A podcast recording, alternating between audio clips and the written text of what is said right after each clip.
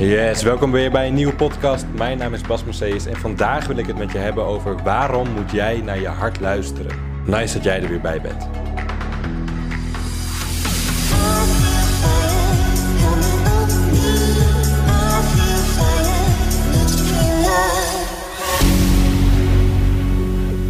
Oké, dus waarom zou jij naar je hart moeten luisteren?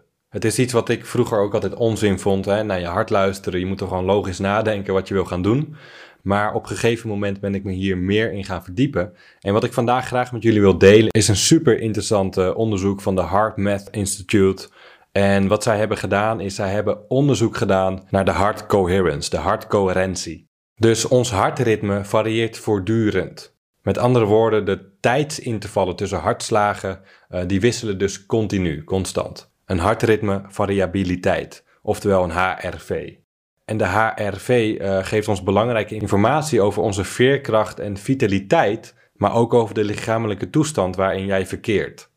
En analyse van de HRV laat zien dat het hart gevoelig is voor emotionele veranderingen en de samenhang van het hartritme variabel. Uh, dat wordt ook, ook hartcoherentie genoemd. Dus hartcoherentie uh, geeft de hoogste piek van je hartslag en de laagste piek aan.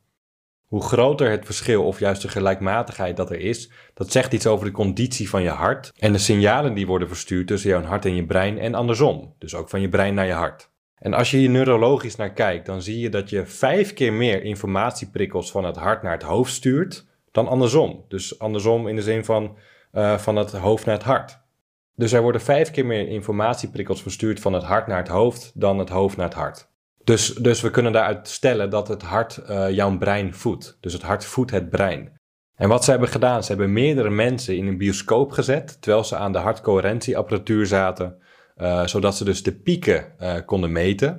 En terwijl deze mensen allemaal in die bioscoopzaal zaten, lieten ze op het scherm allerlei afbeeldingen zien uh, zowel schokkende afbeeldingen als positieve, mooie, vrolijke afbeeldingen. En als een persoon een, een nare afbeelding zag, dan kon je dus aan die hartcoherentieapparatuur uh, zien, meetbaar maken, dat ze dus een hele hoge piek konden, konden vaststellen van het hart.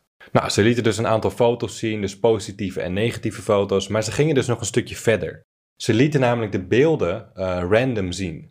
Dus of het een angstig negatief beeld was of een mooi positief beeld was, dat was dus random. En daarnaast hadden ze ook de tijd dat tussen de afbeeldingen in zat, hadden ze aangepast. Dus de ene keer zag je na 5 seconden een positief beeld. Uh, vervolgens zag je na 7,5 seconden uh, een, een negatief beeld. En zo ging dat dus random continu door. Dus kortom, de mensen die in die bioscoopzaal zaten, die wisten niet welk beeld en wanneer dit beeld uh, zou worden getoond. En het meest interessante van dit onderzoek is, is dat ze konden zien aan de hand van de coherentieapparatuur dat 4 tot 5 seconden voordat het beeld uh, vertoond werd, dat het hart al wist wat voor afbeelding er te zien zou zijn. En dit was dus terug te lezen in die hartcoherentieapparatuur. Dus blijkbaar kunnen we vaststellen dat het hart 4 tot 5 seconden van tevoren al weet wat voor beeld er wordt afgebeeld. Het is toch ongelooflijk eigenlijk dat, dat je 4 tot 5 seconden van tevoren kan meten dat het hart al weet wat er aankomt.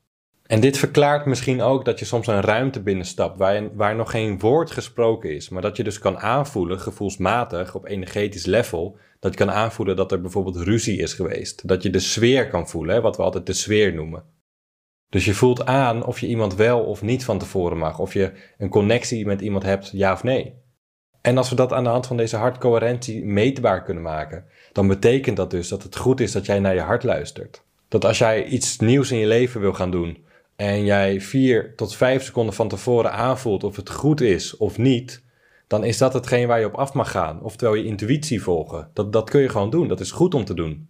En kijk dan ook in je eigen leven. Hè. Dus waarop gebaseerd maak jij je keuzes? Is dat omdat je alles over en over again gaat bedenken waarom je iets wel of niet moet doen? Is dat omdat jij naar je intuïtie luistert, dat je tegen jezelf zegt van hé, hey, het, is, het voelt eigenlijk best wel goed uh, wat ik nu wil gaan, uh, gaan doen. Het voelt eigenlijk wel oké om die onderneming te starten. Het voelt eigenlijk wel oké om deze training te volgen, om mezelf verder te ontwikkelen. Wat je ook maar wil gaan doen. Ik noem nu maar even een random voorbeeld. Maar op het moment dat je dus naar je hart luistert, het eerste gevoel wat er in je opkomt, als je daarnaar luistert, dan is het goed, want het hart weet al wat er aankomt. Het hart is altijd sneller. En daarom is het ook zo krachtig om vanuit je hartfrequentie te gaan manifesteren, om daar vanuit uh, nieuwe dingen te gaan creëren. En het manifesteren uh, vanuit je hartfrequentie, het aantrekken, want het, het veld van het hart, dat is een, een electric magnetic field, een magnetisch veld. Dat is zo krachtig. En binnenkort uh, geef ik ook samen met Ruben een masterclass, een, een of Attraction masterclass, een gratis masterclass over hoe kun je nou manifesteren vanuit je hartfrequentie. Dat is een onderdeel daarvan. Hoe werkt nou de law of attraction? Hoe kan het nou dat onze gedachten een elektrische lading hebben en ons hart een magnetische lading, waardoor je dus het event, de gebeurtenis weer naar je toe trekt? Kortom, de law of attraction. Mocht je daar nou meer over willen weten, ehm, stuur mij even een DM met masterclass, dan geef ik jou de informatie eh, daarover. Dus mijn vraag aan jou in deze podcast. Wat voor keuzes heb jij voor je uitgeschoven? Wat voor keuzes heb jij nog niet gemaakt omdat jij niet weet uh, of het goed gaat uitpakken, omdat jij niet weet waarom je het zou moeten doen. Ga dan ook gewoon echt terug naar dat gevoel. Visualiseer uh, jezelf op het moment dat je de keuze hebt gemaakt. Hoe ziet dat eruit? En voornamelijk, hoe voelt het? Wat zegt je intuïtie? Wat zegt je hart? Hoe voelt het als je dit zou gaan doen? Als je deze keuze maakt en gewoon all in gaat.